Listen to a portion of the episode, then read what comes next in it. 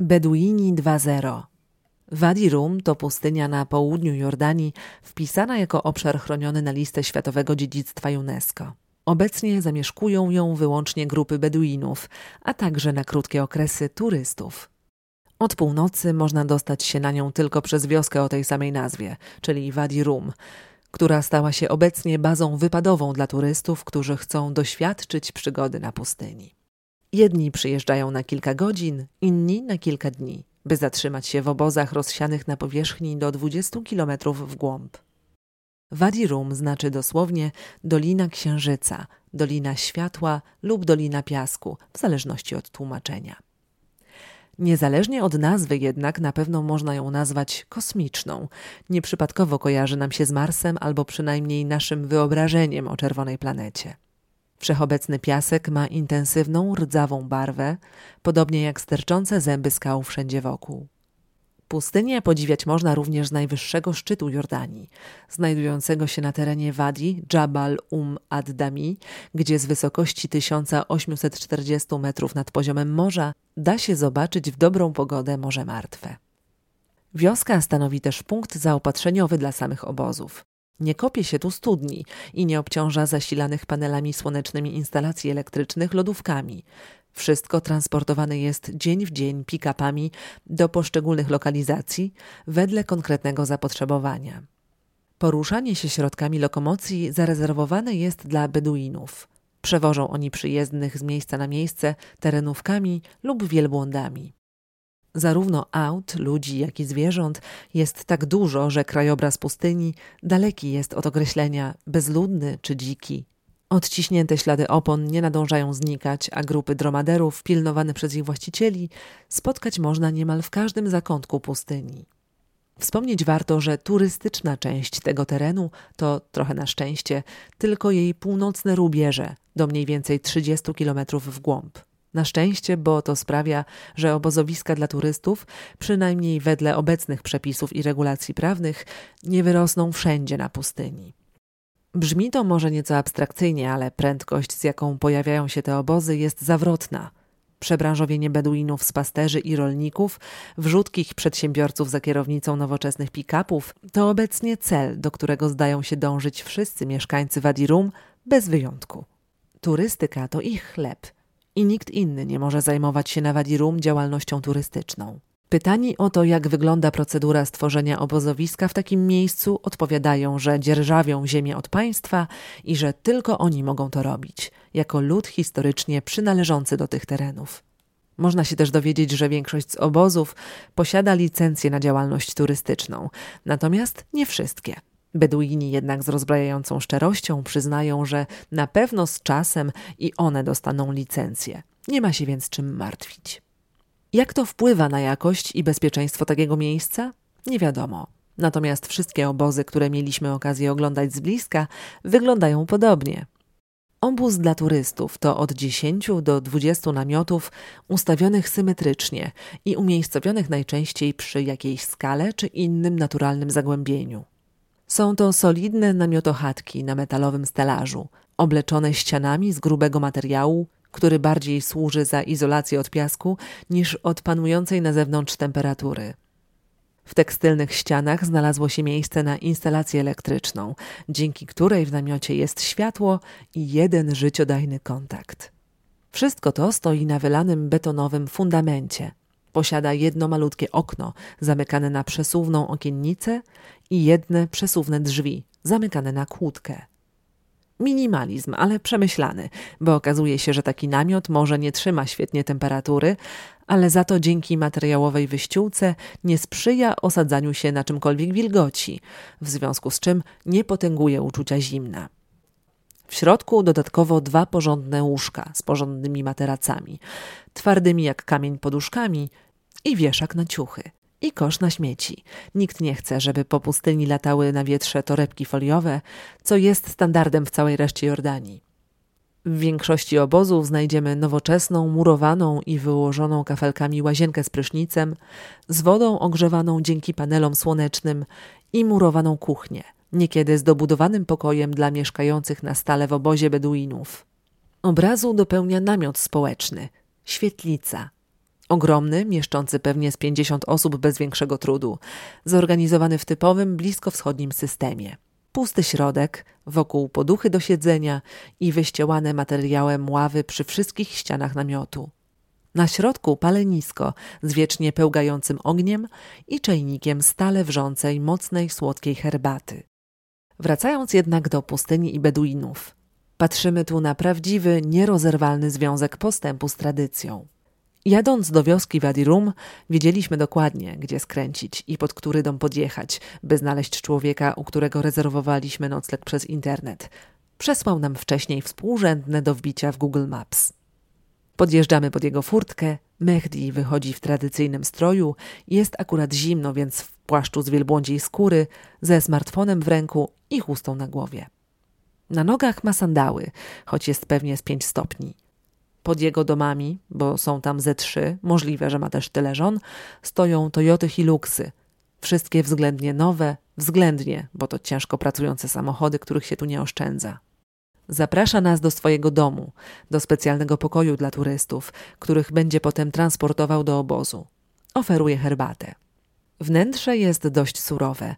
Na ścianie wisi krzywo telewizor, na podłodze leży kilka warstw dywanów. Wszystko przykryte jest cienką warstwą piasku, którą widać tutaj na wszystkim, począwszy od deski klozetowej po jedzenie w sklepie spożywczym. Mahdi tłumaczy, co może zaoferować. Przede wszystkim wycieczkę fakultatywną czyli pojeżdżenie po pustyni z kierowcą, do tego noclegi i wyżywienie. Jest również opcja spędzenia nocy pod gwiazdami, na prawie dziko, w jaskini, z przewodnikiem. Bawi się przy tym smartfonem, puszcza coś z YouTube'a, kiedy turyści się naradzają, odpisuje komuś na WhatsApp. Rozładowuje nam się telefon, więc pytamy, czy nie ma przypadkiem ładowarki z odpowiednim kablem. Okazuje się, że oczywiście ma, ale mu się zawieruszył, pewnie jest w samochodzie. W samochodzie go nie ma, więc może jednak ma go jego mama lub teściowa. W pokoju obok leży kobieta na oko lat osiemdziesiąt. Chusta na głowie, ubrana grubo, bo zimno. Mehdi mówi coś do niej, ona zrywa się z posłania, wyciąga z zapazuchy kabel, pokazuje mu. Ale to niestety nie ten. Wyciąga drugi, też nie ten. Babcia wraca więc do półleżącej pozycji i oglądania filmiku na YouTube z komórki. W końcu kabel odnajduje się u kierowcy jednego z pick-upów, który ogląda w skupieniu jakiś film na telefonie. Dwa dni później jedziemy na wycieczkę z kierowcą, mujahedem, przemiłym panem w średnim wieku, który na każdym postoju umila sobie czas podśpiewując.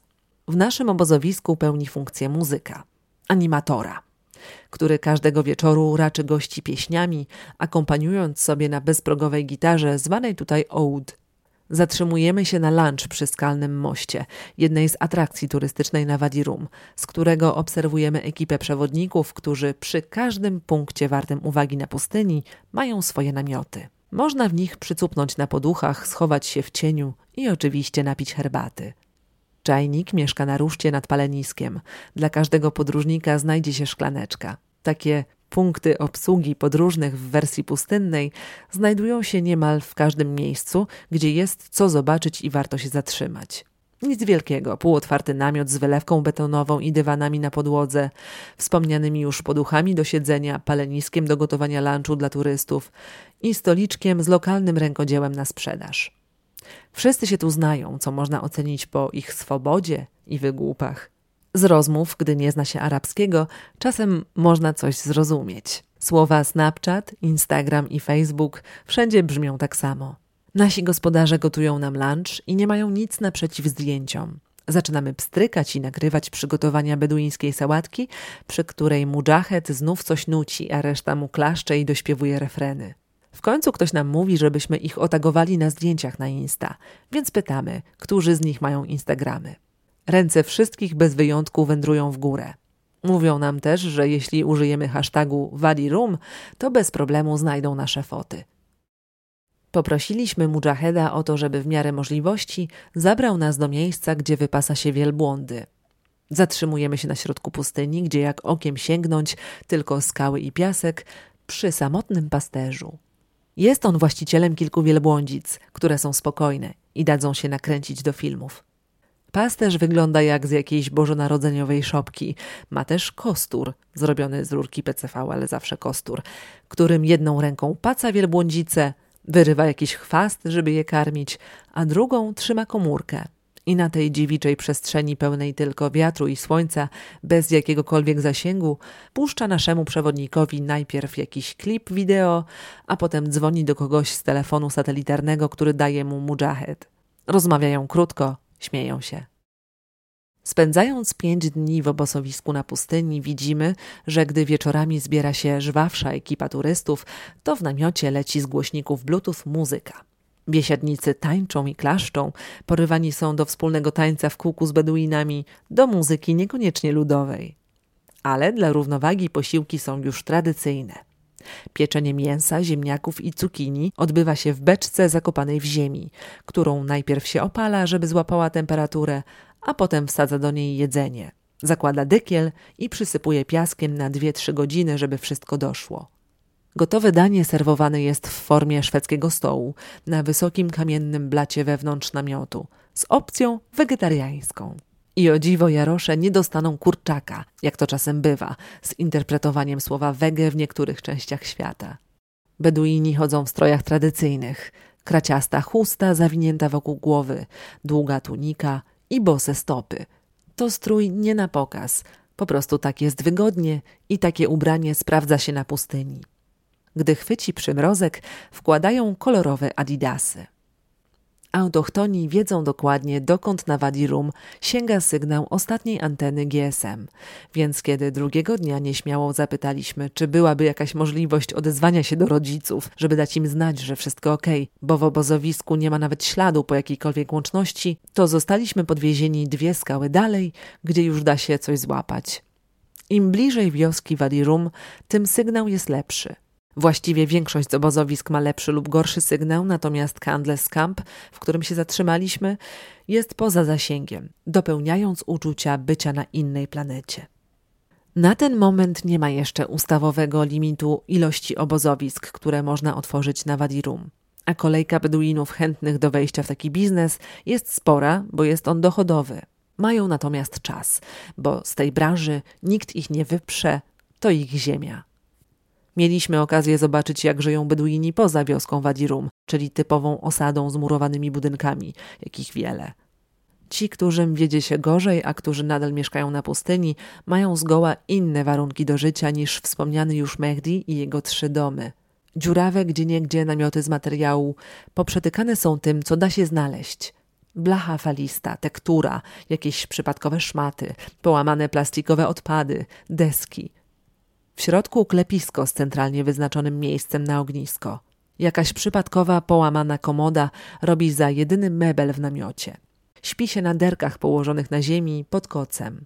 Wokół namiotu leży drewno na opał, kawałek dalej stoi jedyny podmurowany budynek, kurnik i słupki do wiązania wielbłądów. Jedno, jedyne drzewo ogrodzone jest lepiej niż cały pozostały dobytek tutejszych mieszkańców. Młody gospodarz jest bardzo miły i pozwala też zajrzeć do drugiego namiotu, osobnego dla kobiet, z podobnym wyposażeniem, gdzie estetykę wypiera pragmatyzm w czystej postaci.